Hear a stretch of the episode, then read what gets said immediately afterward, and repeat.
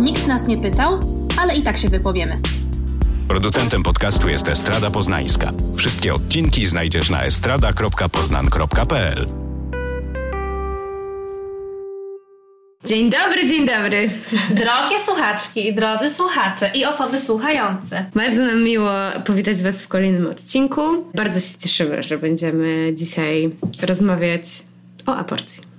Tak, w końcu nadszedł ten czas, że realizujemy odcinek, który od dawna, dawna, dawna chodził nam po głowie i w końcu osoba, którą bardzo chciało się do tego zaprosić, zjawiła się u Kasi w kuchni. Tak. Witamy Cię, Adrianno. Jestem w kuchni. Dzień dobry. Naszą gościnią jest dzisiaj Adrianna Sołtysiak, którą przedstawiamy jako osobę, która pomaga w aborcjach.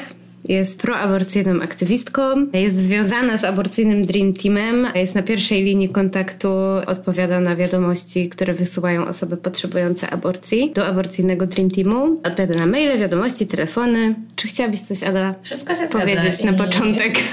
E, Zastanawialiśmy się, czy powiedzieć, czy pomagam w aborcjach, czy nie pomagam. Jeszcze pewnie 6 lat temu bym bardzo bała się powiedzieć, ale teraz już się nie boję, tak? Pomagam w aborcjach. Tak, i bardzo nam zależało na tym, żeby ten odcinek był takim odcinkiem, którego uważamy brakuje wciąż, żeby rozmawiać o aborcji jak najbardziej w normalny sposób, żeby nie mówić o niej szeptem, żeby normalizować mówienie na ten temat. I można by powiedzieć i mogłoby się wydawać, że już jest tyle materiałów dla osób zainteresowanych tym tematem od strony feministycznej, że co mogłybyśmy nowego dodać, ale też wierzymy w to, że gdzieś tam docieramy do różnych osób, które są zainteresowane tematami, które poruszamy. I wydaje nam się, że chyba wciąż tego normalizującego głosu jest ciągle za mało i po prostu mamy taki kaprys i o tym będziemy dzisiaj rozmawiać. Dokładnie, a tym bardziej, że właśnie mogłyśmy zaprosić tutaj Adę, która po prostu dużo o aborcji wie, bo też się nią od wielu lat zajmuje. Tak. Aha, jeszcze zanim to pierwsze pytanie,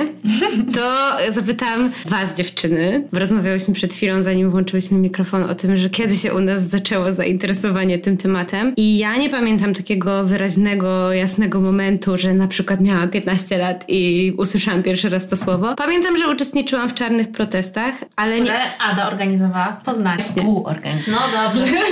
No to opowiedzcie, jak, jak u Was było? Kiedy się dowiedziałyście o aborcji? Kiedy zaczęłyście się interesować tym tematem? Który pewnie był wtedy jeszcze tematem tabu.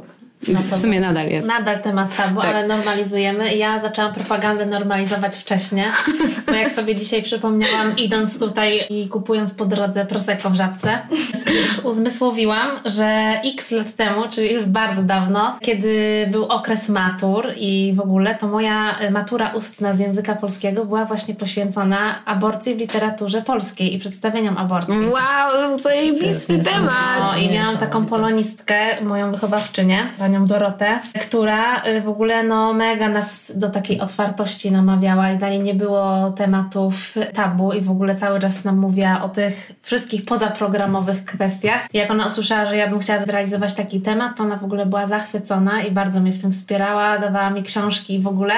A to jakie książki na przykład tam No, ja pamiętam, że na pewno Boj Żeleński, Piekło kobiety, Mhm. no bo to musiało być w jakichś obrębach literatury, którą się przerabia Mhm. na języku A to było polskim. totalnie poza kanonem. No totalnie, no ale matura mogła być, dotyczyć Dobrze. poza Tak, kanon, tak, no. kanonowego przedstawienia. Na pewno tam jakieś, jeszcze jakieś w ogóle filmy włączałam, ja już kurczę nie pamiętam, ale chyba, o wiem, chyba to był też ten okres, gdzie był ten film na podstawie książki Droga do Szczęścia, gdzie z Leonardo DiCaprio Kate i Winslet. Kate Winslet.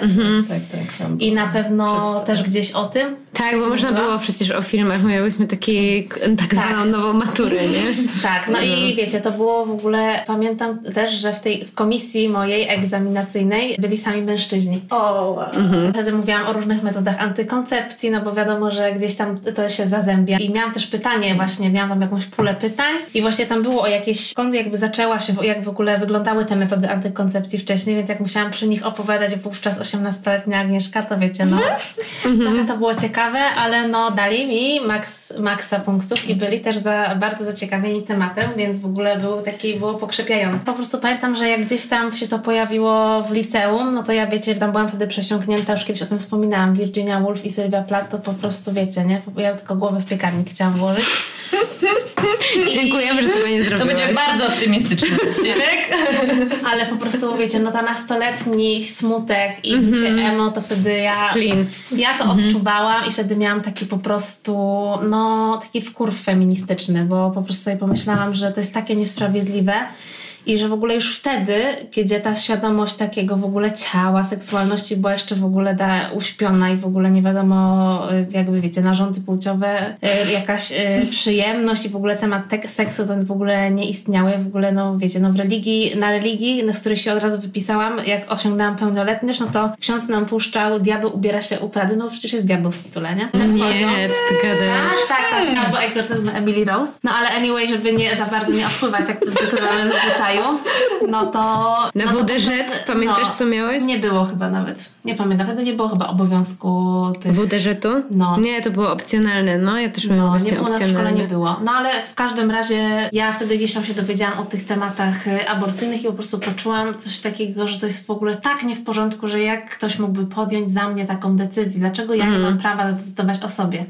No i po prostu wtedy to prawo do decydowania o sobie i ta kwestia decyzyjności bardzo mnie dalej popchnęły w te wszystkie tematy feministyczne. Mhm. No to jest jednak jeden z takich tematów centralnych dla ruchu feministycznego, nie? Właśnie to, żeby oddać kobietom i osobom, które mogą zajść w ciąży władzę nad ich ciałem, nie? Więc to wiadomo, że zawsze gdzieś tam będzie jednym z głównych zagadnień tej feministycznej walki. Tak. A u ciebie, Ada, jak się zaczęło? Muszę ja tylko muszę powiedzieć, że jestem pełna e, podziwu dla Agnieszki, bo ja chyba do mojego dorosłego życia nie znałam słowa aborcja. W sensie u mnie, czy jak dorastałam, czy nawet jak zaczynałam życie seksualne, jakby to, to słowo nie istniało, w sensie nie było aborcji na świecie. To był temat, który poznałam dopiero późno już na studiach i myślę, że wstępowałam wtedy już na moją ścieżkę feministyczną i pamiętam, że to była jakaś gruba nawet debata z moim ówczesnym partnerem, który chyba był bardziej feministyczny niż ja i to były takie, oprócz aborcji to jeszcze praca seksualna, to były takie dwa duże tematy, z którymi musiałam się zmierzyć w takim sensie, że jakby nie, nie rozumiałam, że byłam tak przesiąknięta tym patriarchalnym main- mainstreamem, że nie rozumiałam, że jakby dla mnie aborcja, potem jak się nie dowiedziałam, to rzeczywiście była czymś złym. Potem tylko oznaczała, jakby w sensie możliwość aborcji była w tych wyjątkowych przypadkach i, i widzę ten bardzo długi proces, więc od powiedzmy, no nie wiem, można mnie chyba nazwać wtedy przeciwniczką aborcji, do tego momentu. Minęła bardzo długa droga, ale jest pocieszające. Słuchałam kiedyś wywiad z Katarzyną Brodkowską, która kiedyś w telewizji ogłosiła o tym, że będzie sobie w Wigilię robić aborcję. I podczas jednego wywiadu też powiedziała o tym, że ona kiedyś była zupełnie po innej stronie. I większość też osób na tym aborcyjnym poletku ma podobne historie, więc dlatego jestem tutaj takim Czyli trochę- taka ewolucja w tym sensie, Dokładnie, podobne dokładnie. historie. Więc Mhm. jakby no, też żyjemy w konkretnym kontekście społecznym, historycznym. Mieszkamy w Polsce, gdzie aborcję jest bardzo ciężko i jesteśmy totalnie przesiąknięci, przesiąknięte tą stygmą aborcyjną, więc jakby Mhm. w sumie no, jakby nie chcę sobie cisnąć też, że tak wyglądało moje myślenie na temat aborcji. No ale- myślę, że właśnie super, że o tym mówisz, że to jest przykład na to, jesteś żywym przykładem na to, to ja. ludzie mogą zmieniać zdanie. Ja jednak. No patrzcie. Jak to się stało? E, Myślę, że, e, że trzeba mieć też pewnego rodzaju otwartość. Też pamiętam na kiedyś na jednych warsztatach właśnie o tym, jak rozmawiać o aborcji w mediach. Czy to był taki warsztat też dla osób po prostu zajmujących się aborcją. Rozmawialiśmy o tym, że nie da się porozmawiać z osobami, które są na, jakby, na przeciwległych końcach po prostu. Jeśli ktoś jest totalnie przeciwny aborcji, my go nie, nie przekonamy, więc ja myślę, że byłam gdzieś tam po środku, jakbym osobą, która po prostu nie znała tematu, nie, nie znała różnych historii i jakby pewnie powiemy sobie to kilka razy dzisiaj, ale aborcje to są poszczególne historie danej osoby. Nigdy nie wiemy, kiedy ktoś, czy ja, czy wy będziecie potrzebować aborcji, więc może warto mieć otwartą głowę. To też jest coś, o czym my często mówimy, że nie ma dwóch takich samych doświadczeń w jakiejkolwiek sferze życia, tak? Każdy może inaczej przeżywać swój pierwszy raz, swój pierwszy okres, wszystko to, co jest związane z ciałem. Każdemu też smakuje po prostu coś innego, nawet jeśli myślimy o tak trywialnych rzeczach jak jedzenie, no nie? Więc ciężko jest i myślę, że to jest największy problem w mówieniu o aborcji, że staramy się to sprowadzić do właśnie do jednego doświadczenia, nie? A te doświadczenia mogą być różne. Tak jest. Pamiętasz, co jakby sprawiło, że. Czy był właśnie jakiś taki jasny, jeden konkretny moment, który sprawił, że z myślenia o tym, że aborcja jest czymś złym, zaczęłaś się otwierać na rozmowę na ten temat? Czy to był po prostu proces i. To był proces na pewno. Długa ewolucja. Dosyć długa, pewnie to były te moje lata 20, w sensie mojego mhm. życia, ale taką kropką nad i była po prostu okazja, chciałabym powiedzieć, ale prośba o, o, o pomoc. Mhm. I wtedy jak zobaczyłam, że jakby ta aborcja naprawdę czasem, no nie czasem, bardzo często ratuje życie, to, to, tak, to, to był już taki, już przypieczętowanie tego, że jestem 100 pro abo, ale też widzę jak się zmienia narracja nawet od 2016, czyli wtedy, kiedy były czarne protesty. Właśnie wspominałam o tym, że bałam się mówić o tym, że pomagam w aborcjach, bo mhm. wtedy nawet to nie było jasne. Nie było jasne, czy mówienie o aborcji, mówienie jak działają tabletki, czy wspieranie osoby, która przechodzi aborcję, czy to jest legalne, czy nie jest legalne, więc ten wszechogarniający strach, ta stygma, która nas otaczała, sprawiła, że ja byłam gdzieś tam na uboczu, więc to była jakaś tajemnica moja, że mhm. pomagam w aborcjach. Teraz już wiem, jestem bardziej świadoma i też mam sztab osób e, ze sobą i, ja jestem pośród nich, gdzie, gdzie wiemy, że pomaganie, bycie w aborcjach, udzielanie informacji na temat, gdzie można zdobyć e, tabletki jest po prostu pomocą, ale taką, za którą nie trafi się do więzienia ani nie zapłaci się żadnej kary. Mhm. No, ta stygma właśnie i ten strach to jest właśnie co innego, jak o tym się mówi i myśli, ale ja właśnie też miałam taką sytuację, że no ja byłam od zawsze za kwestią wyboru i dla mnie to było po prostu naturalne, chociaż też byłam przesiąknięta tym myśleniem na religii, kiedy no był ten, wiecie, ten znany filmik na religii, który się puszcza. Ja po prostu byłam oburzona i wyszłam, bo po prostu stwierdziłam, ja że to dla mnie to było oburzające. Ale no w każdym razie też właśnie miałam taką sytuację gdzieś tam w okolicach roku 2016-17, że też y, moja znajoma po prostu mnie poprosiła o pomoc w aborcji. No i pamiętam, że y, no dla mnie to oczywiście była kwestia oczy, oczywistej pomocy, ale no bardzo się bałam zorganizować cokolwiek i to było po prostu, wiecie, wszystko szeptem, mhm. przekazywanie sobie w bezpiecznej przestrzeni tabletek i w ogóle nie mówienie o tym szeptem i tylko mówienie, że błagam, tylko nie mów, że masz je ode mnie, jak coś się stanie. Mhm. No po prostu dopiero kiedy się friends zazna tego rzeczywiście takiego strachu, który idzie za mówieniem o tym, no to dopiero sobie uzmysławiasz, że jak to bardzo jest absurdalne mm. i jak bardzo przesiąknięte to jest y, no, kontrolą i tym, że nie możesz zadecydować o sobie. Ja myślę, że nawet krok wcześniej można o tym pomyśleć, bo często słowa mówione przez aborcyjny Dream Team, że nie trzeba mieć aborcji, żeby tego doświadczać, bo często samo doświadczenie tego, czy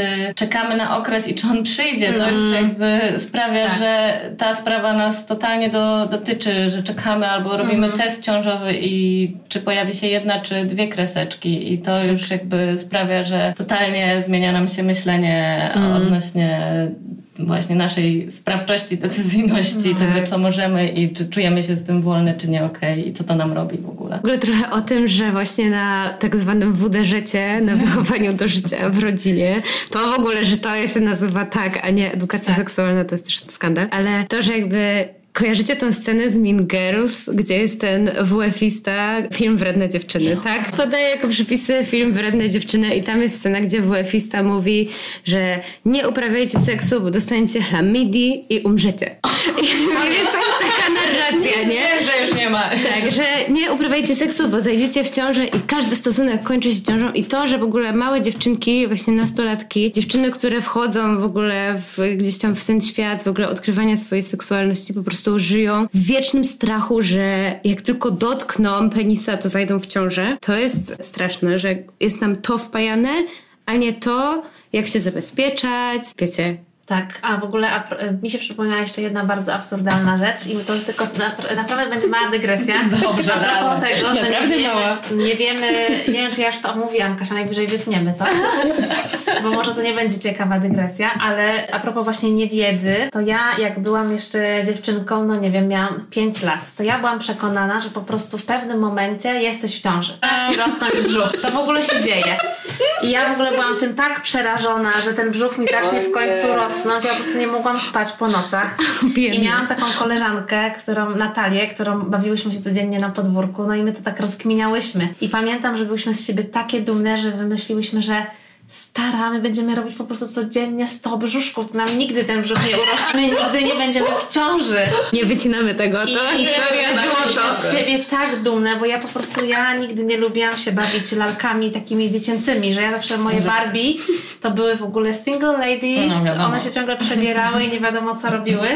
I miałam takiego Kena w brązowych szatach, brzydkiego, który był bezdomnym, który je od czasu do czasu atakował. Więc y, Uwielbiam. koniec tej dygresji. Ale, Ale- a propos niewiedzy, i która kształtuje wyobrażenia, to w ogóle ten strach przed tym, że ten brzuch urośnie, naprawdę jakby wiecie, no on y, no jest takim jednostkowym doświadczeniem kobiet, y, osób socjalizowanych do życia jako kobiety, no więc jakby wiecie, no Tak, tak, właśnie ten strach, który często właśnie wynika z niewiedzy, nie? I mi się wydaje też, że problemem w debacie o aborcji w Polsce jest też to, że się o niej nie rozmawia. tak.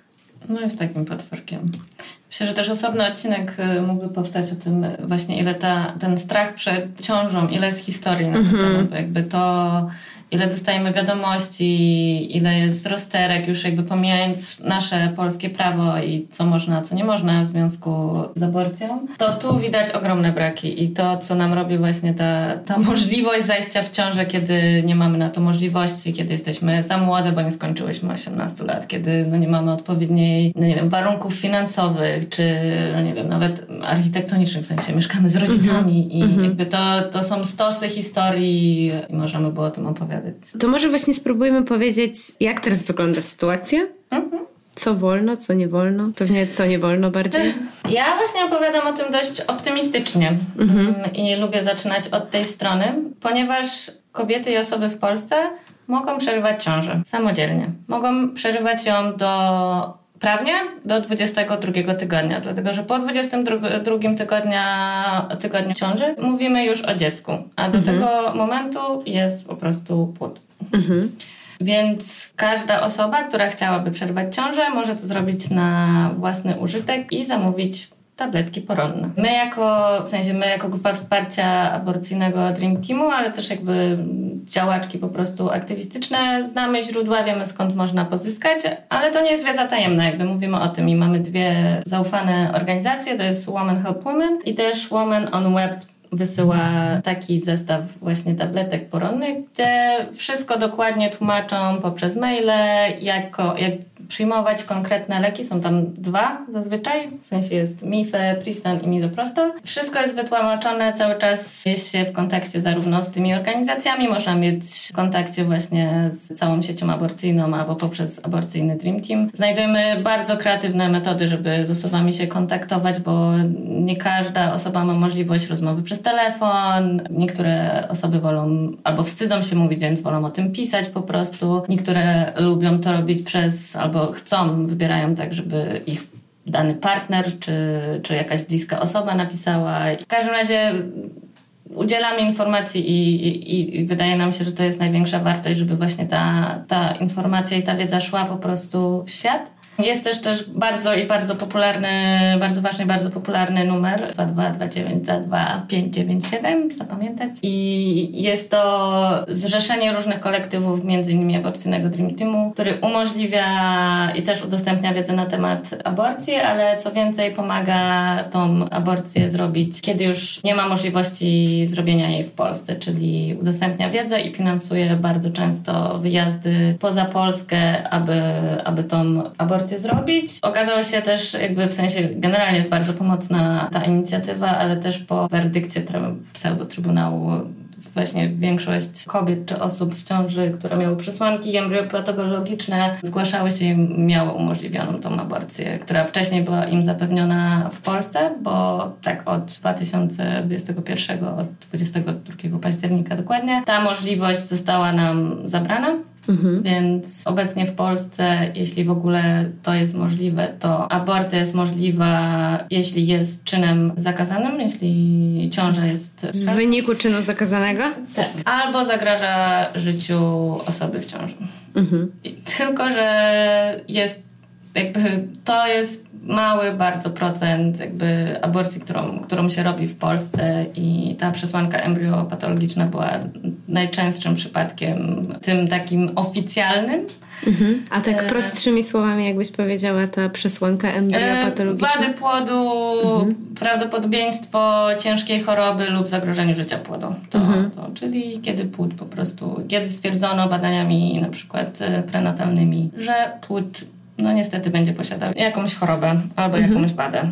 I teraz jest to niemożliwe, ale na szczęście, tak jak mówię, mhm. na szczęście jest aborcja bez granic, gdzie można się bez problemu zgłosić i myślę, że nie ma takiego przypadku, gdzie nie jest udzielona pomoc. Więc to jest taka nadzieja, mhm. myślę, i warto o tym mówić wszędzie i zawsze. Czyli podsumowując, jeżeli ktoś chciałby w Polsce zrobić sobie aborcję u lekarza na NFZ w szpitalu, z pomocą służby zdrowia, to musiałaby to być ciąża właśnie w wyniku czynu zakazanego, czyli gwałtu albo kazirodztwa, lub ta ciąża musiałaby zagrażać życiu osoby w ciąży. Zdrowiu? Zdrowiu też. Zdrowiu też. Jest to bardzo trudne do udowodnienia. Dokładnie. A ten pierwszy przypadek, czyli kiedy jest ciąża efektem czynu zakazanego, jakby ten czyn trzeba udowodnić. Mhm. Więc I to, to też trwa.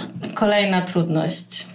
A w przypadku. Myślę, I też jest bardzo traumatyzująca, myślę, przynajmniej w polskich warunkach. Mm, a w przypadku, kiedy chcemy usunąć ciążę, to jakby nie możemy sobie pozwolić na czekanie. Myślę, że tak. Jak wyglądają takie case'y, że na przykład no, my jesteśmy w takiej sytuacji, że y, miałybyśmy to zaplecze i nie miałybyśmy problemów ze sfinansowaniem tej aborcji. Mhm. A jak są takie osoby, które nie mają tego przywileju związanego z płynnością finansową, to jak to wygląda? Tu mogę opierać się przede wszystkim na wiedzy, którą mam od Women Help Women, bo z tą organizacją, tą organizację zazwyczaj polecamy, bo wiemy, że jest sprawdzona niezawodnie zawodzi, nawet gdy coś się dzieje po drodze, typu, nie wiem, może przesyłka zaginęła, to problem tej zaginionej przesyłki jest rozwiązywany. Jest to oddolna organizacja, więc ona znajduje finansowania z bardzo różnych źródeł, ale kiedy przychodzi, każdy przypadek jest analizowany osobno, w sensie mhm. jeśli zgłosi się konkretna osoba i te 75 euro, bo taka jest darowizna, którą się wpłaca na tą organizację, dzięki której dostaje się tą przesyłkę. Jeśli to jest kwota nieosiągalna, osiągalne, jeśli to są na przykład osoby niepełnoletnie, a one też uprawiają seks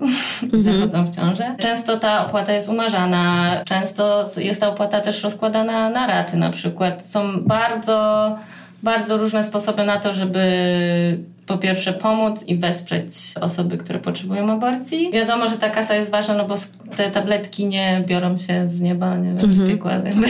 Może niektórzy tak uważają, ale naprawdę jest to tak świetna organizacja, że pomoże w każdym przypadku, tak mi się mm -hmm. wydaje. Więc... to jest organizacja oddolna. Tak, więc jakby, jakby myślę, że w większości przypadków pomocą zajmuje się organizacje oddolne, bo mhm. na państwo często nie możemy liczyć i to jest mhm. super. Też pomaga nie tylko ta organizacja w Polsce, ale również i na świecie, gdzie dostęp do aborcji jest utrudniony lub zakazany. Jakbyś mogła może coś więcej powiedzieć o tej samoorganizacji, nie wiem jak to wygląda, co robicie, nie wiem jak tam trafiłaś, co, o, o czym byś to, chciała nam powiedzieć. Y, wydaje mi się, że zazwyczaj osoby tam trafiają po przez swój feminizm po prostu, poprzez mhm. walkę, a jakby nie da się uniknąć chyba w tym polskim feministycznym świecie rozmowy o aborcji, o tym dostępie i o prawach reprodukcyjnych, więc Zazwyczaj to jest ten jeden trop, kiedy osoby interesują się, co można zrobić, co nie można zrobić, albo kiedy muszą pomóc po prostu danej konkretnej osobie. Mhm. Większość osób, które znam, trafiły do tej sieci, o której mówię, to nie jest jakiś taki trwały i chyba formalny twór. Po prostu jesteśmy i się zbieramy i próbujemy się łączyć i sieciować i spotykać i wymieniać informacjami i wiedzą i doświadczeniem. Ale zazwyczaj osoby tam trafiają po prostu, bo pomogły. Bo miały same aborcje, a potem pomogły komuś w tej aborcji, mhm. bo nie mogły znieść to, to, o czym ty mówiłaś, Agnieszka, czyli jakby no, wkurzało ich to, że po prostu nie mają, nie mogą o sobie decydować, więc często są to osoby z różnych organizacji już feministycznych istniejących, z różnych miast. Bardzo dużo osób jest z Warszawy, ale no wiadomo, że tam jakby też jest centrum wszechświata, więc staramy się też łączyć po prostu z różnymi innymi miejscowościami. Też staramy się dzielić tą wiedzą i zachęcać osoby, które chciałyby do nas dołączyć, ale wydaje mi się to jakoś bardzo trudne. Dla nas nawet w, w sensie wydaje mi się, że dla większości osób, nawet to, że wlepi się gdzieś naklejkę z numerem albo z hasłem o aborcji, że aborcja jest okej, okay, to już jest działanie aborcyjne, w sensie proaborcyjne. Mhm. I, mhm. Ale nie nielegalne. Ale nie, no, możemy przyklejać. Myślę, że chyba, że tam, gdzie jest zakaz, nie ma jednej ścieżki działania, bo mhm. to, czy ktoś komuś zechce pomóc, czy nie, jest indywidualną decyzją można pomagać, a ja chyba nie powiedziałam o tym, y, w sensie powiedziałam co można, a nie powiedziałam czego nie można, jeśli chce się pomagać. Czego nie można? W kodeksie karnym jest jeden y, ładny tekst, którego nie przytoczę na pewno, bo to jest kodeks karny. W każdym razie jest mowa o pomocnictwie, tylko to pomocnictwo nie jest uszczegółowione. Mhm. Czyli nie jest napisane, nie jest, nie wiem, pod punktami wypisane, czym dokładnie to pomocnictwo jest, więc zazwyczaj bada się to na różnych case'ach, czyli jakby, mhm. czy ktoś został za coś wsadzony, czy oskarżony, czy nie.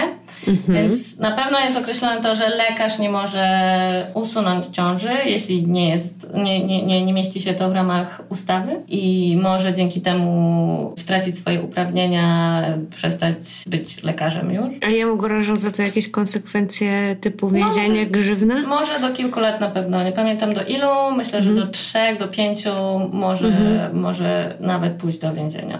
O, e, A to też jak utrata prawa do wykonywania Myślę, że to też... też w tym się łączy. To pewnie jest znowu na indywidualnym przypadku. Na te 29 lat zakazu aborcji było bardzo niewiele przypadków, kiedy, kiedy rzeczywiście jakiś lekarz czy lekarka zostało, zostali oskarżeni o, o wykonanie aborcji i skazani jakoś tak do dotkliwie, że nie wiem, siedzieli w więzieniu. Mhm. A drugi case, który dotyczy większości osób, które by chciały pomagać w aborcji, jest to pomocnictwo, gdzie właśnie nie jest rozpisane co i jak. Więc według nas, czyli sieci aborcyjnej, przekazanie komuś tabletek lub kupienie tych tabletek jest już czynnością, która może nam zagrażać, może być karana.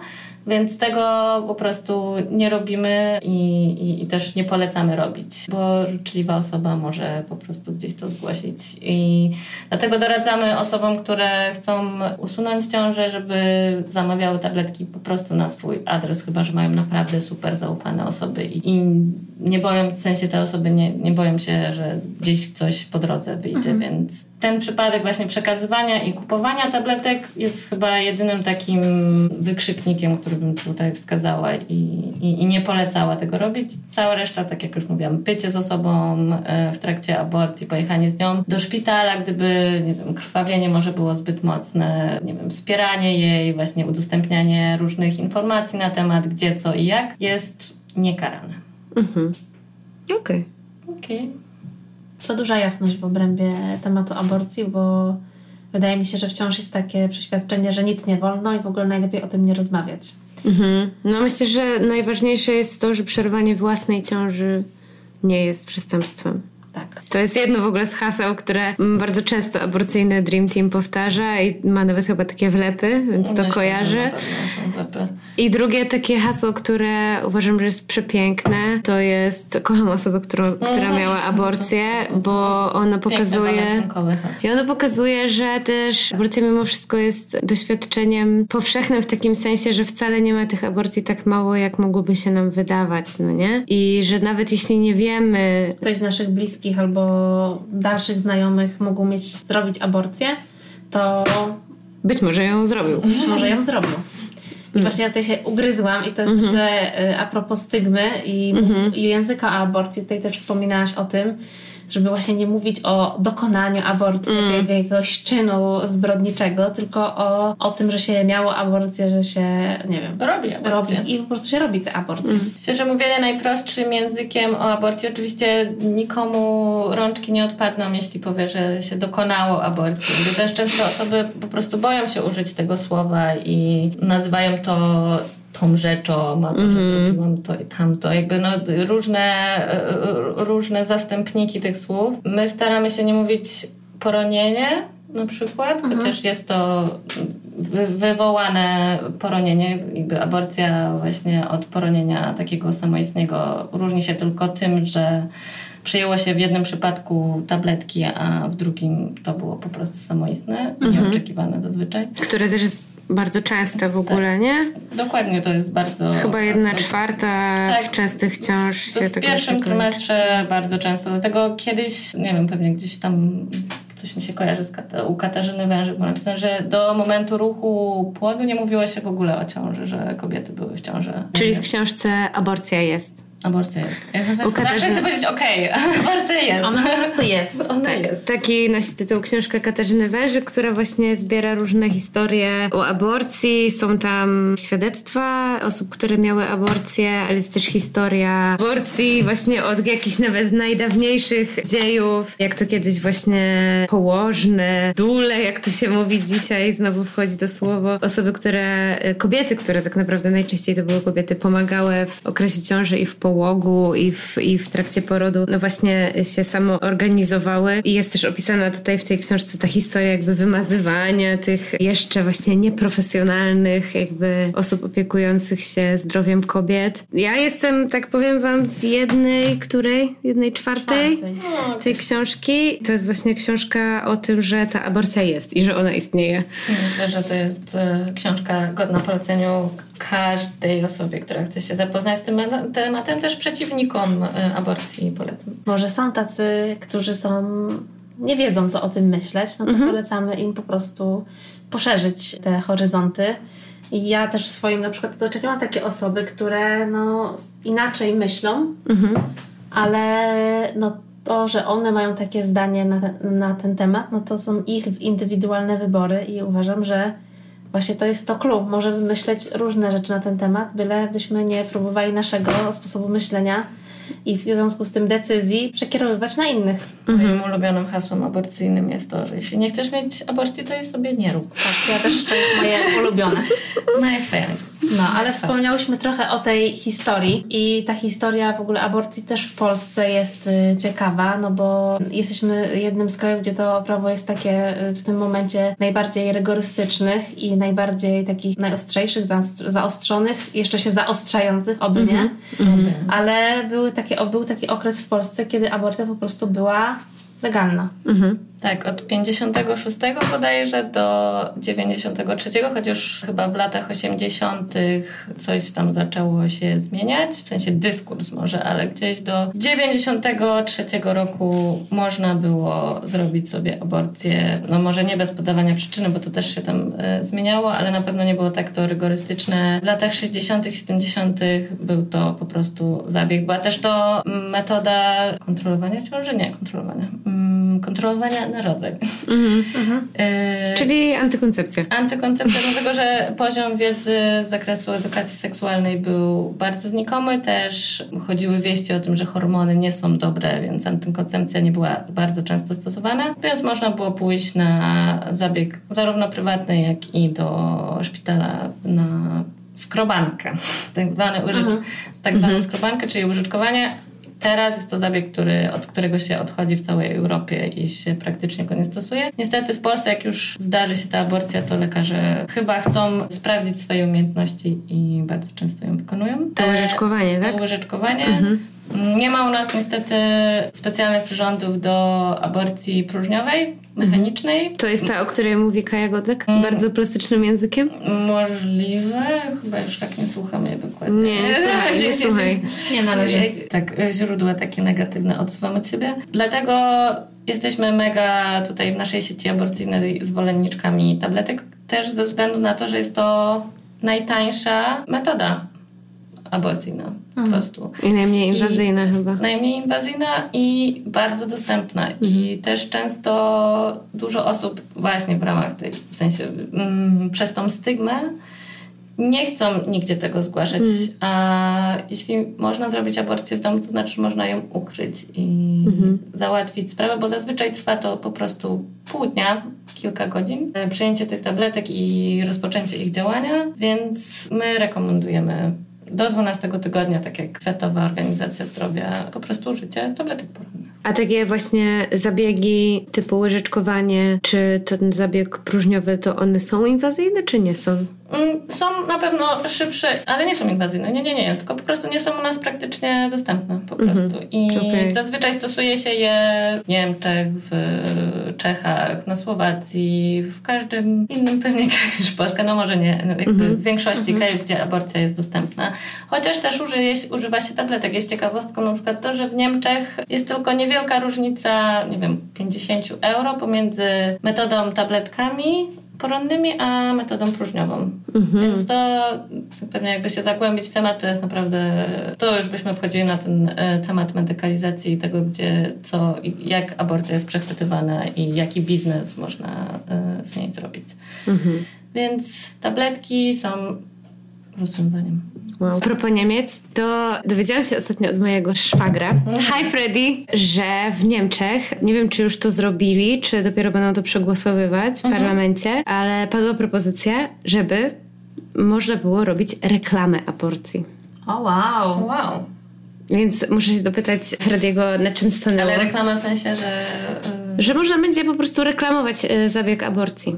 No tak, bo w Niemczech też jest tak, że umówmy się, że to jakby tam też jest różne religie i niektóre kliniki są katolickie, na przykład religijne, gdzie po- bo tam jest kilka dni na zastanowienie się, chyba pięć albo cztery od momentu przyjścia i zgłoszenia potrzeby aborcji.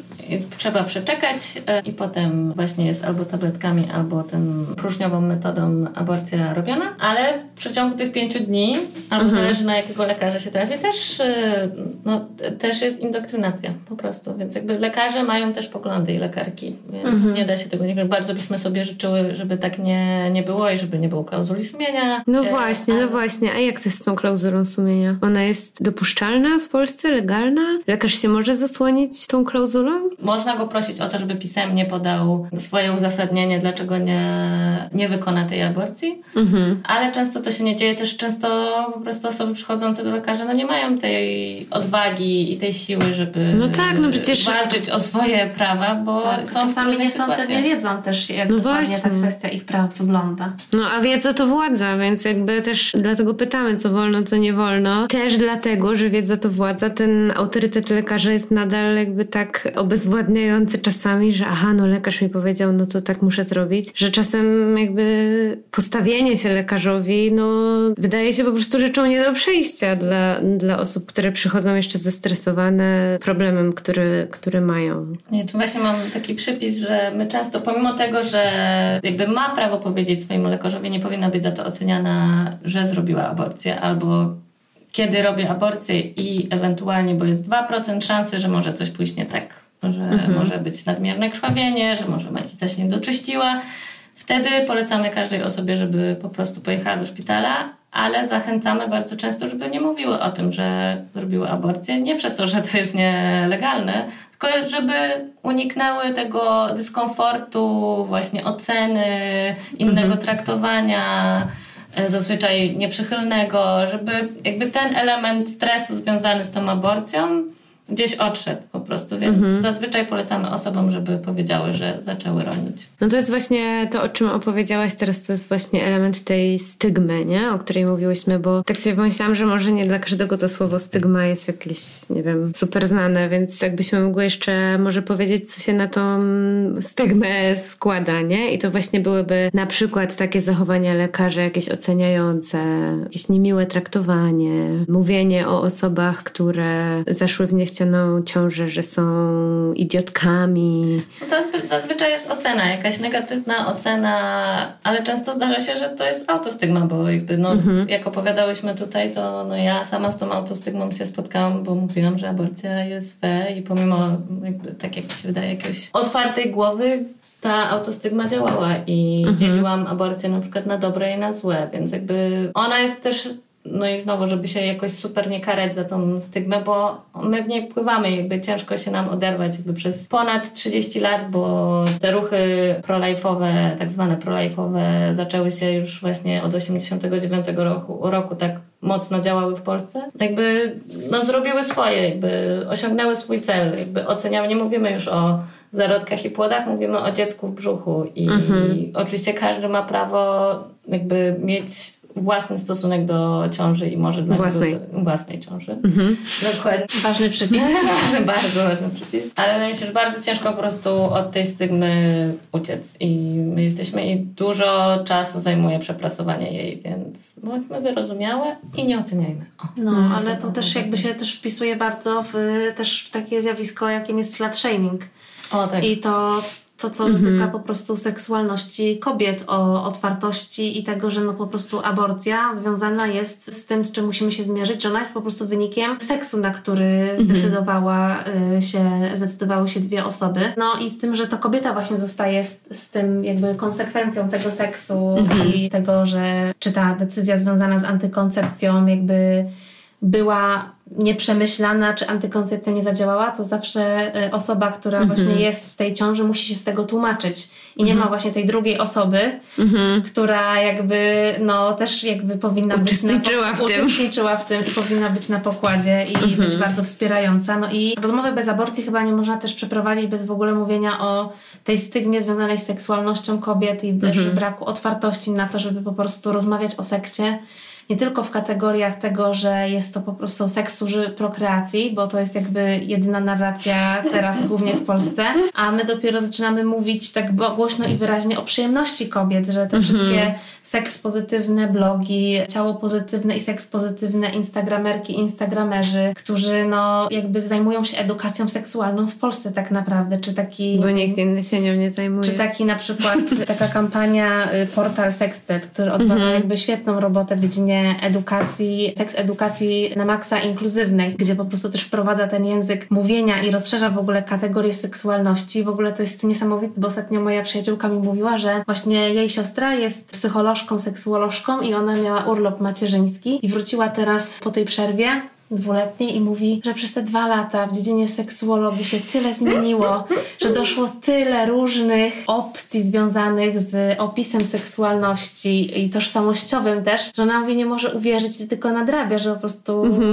Że, ta, że my mówimy, że zmiana się nie dzieje i że ona oczywiście jest powolna i byśmy chcieli i chciały, żeby to po prostu było od razu, zaraz, ale no nawet w takiej literaturze i w opisie pewne rzeczy zaczynają się zmieniać i oczywiście jest bardzo długa droga przed tym, żeby gdzieś to w świadomości w ogóle zapączkowało i było na maksa znormalizowane. No ale ta zmiana się dzieje gdzieś tam, wydaje mi się, na naszych oczach i w czasach, w których żyjemy, no i to jest gdzieś tam pokrzepiające. No ale po tych rozmowach, które można znaleźć w super książce opowieści o slut shamingu, Dziwki z Dziry Szmaty, też podlinkujemy na pewno, no to tutaj też jest rozmowa z dziewczynami z aborcyjnego Dream Teamu. No i dla mnie to było takie zaskakujące, że właśnie rozmowa z nimi, o dziewczynami, które pomagają w aborcji i normalizują temat aborcji, jest głównie o antykoncepcji, o seksualności. I to jest chyba, wydaje mi się, takie najbardziej uderzające, żeby właśnie pamiętać o tym, że to zapobieganie ciąży i jakby cała stygma z tym związana jest też po prostu na maksa umoczona ideologicznie, a w Polsce ten kontekst no, jest bardzo silny. Tak, tak. I tu jest, tu wchodzi piękne hasło też z protestów, nie? Czyli kiedy państwo mnie nie chroni, swojej siostry będę bronić. Ta pozytywna zmiana, o której mówiłaś, Agnieszka, no ona się dzieje, tylko że ona jest wynikiem często dobra influencerów instagramowych czy edukatorów, edukatorek z social mediów, ale to są właśnie działania samoorganizacyjne, oddolne, organizacji pozarządowych, ludzi, którzy się właśnie sami tworzą te sieci, nie? Dla mnie to jest też cudowne oglądać, jak dużo osób jest w tej sieci. Ja jeszcze właśnie te 6 lat temu znałam po prostu kilka osób na krzyż, które rzeczywiście zajmowały się i edukacyjnie aborcją, i w praktyce. Teraz tych osób jest naprawdę coraz więcej. Już jakby wiedza, jakby kto komu co poleca, wiedzą gdzie się zgłosić, chociażby właśnie do aborcyjnego Dream Teamu, że już po prostu wiedzą, że jest taki kanał, do którego można się odezwać, napisać ze swoim problemem, czy po prostu zapytać o cokolwiek. Bardzo często też osoby piszą po prostu antykoncepcję, czy jakby zadają pytania, które na których odpowiedź powinny otrzymać właśnie na lekcjach edukacji seksualnej. których jakby, czy teraz mogłabym zajść w ciążę, czy zrobiłam to i to, miałam seks bez zabezpieczenia, czy zaszłam w ciążę, czy nie. Ale nadal, żeby zagrać po prostu na nosie Kai Godek, to, to się wydarzyło zupełnie coś innego niż ona chciała.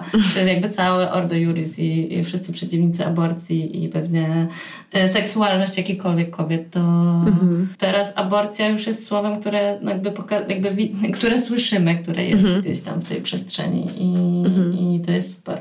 Ciekawe, ile razy powiedzieliśmy aborcja w tej rozmowie. Możemy policzyć potem, zrobić podsumowanie w, op- w opisie odcinka. Ja też tak A sobie może nagrodę dla kogoś. Kto policzy. Kto policzy zasponsorujemy coś. coś tam. Martini Prosek. Coś chciałaś powiedzieć? Chciałam, ale zapomniałam. Ja jeszcze chciałam, jak już polecamy też różne rzeczy i będziemy też podlinkowywać, to jeszcze chciałam wrócić do tego, o czym mówiłyśmy na początku naszej rozmowy, że to doświadczenie aborcji może być różne dla wielu osób i że jest taki podcast, który się nazywa Coś na A. Piękna w ogóle I nazwa. ma piękne intro i może Kasia zaśpiewa. Nie, nie zaśpiewamy się. Teraz się wstydzi, śpiewała. Kasia! No i tam są właśnie... Karolina Domagalsko. To ona jest Nie, twórczynią nie, nie, tego to podcastu. tutaj mamy nowy chórek po prostu. Pozdrawiamy Karolinę i Karolina jest właśnie twórczynią podcastu, w którym oddaje głos osobom, które miały aborcję, które mogą o tym opowiedzieć. I to jest super ważne. W sensie każdy głos, każda aborcja jest ważna. Tak. I każdy powód do aborcji jest też ważny. I zasadny. I zasad.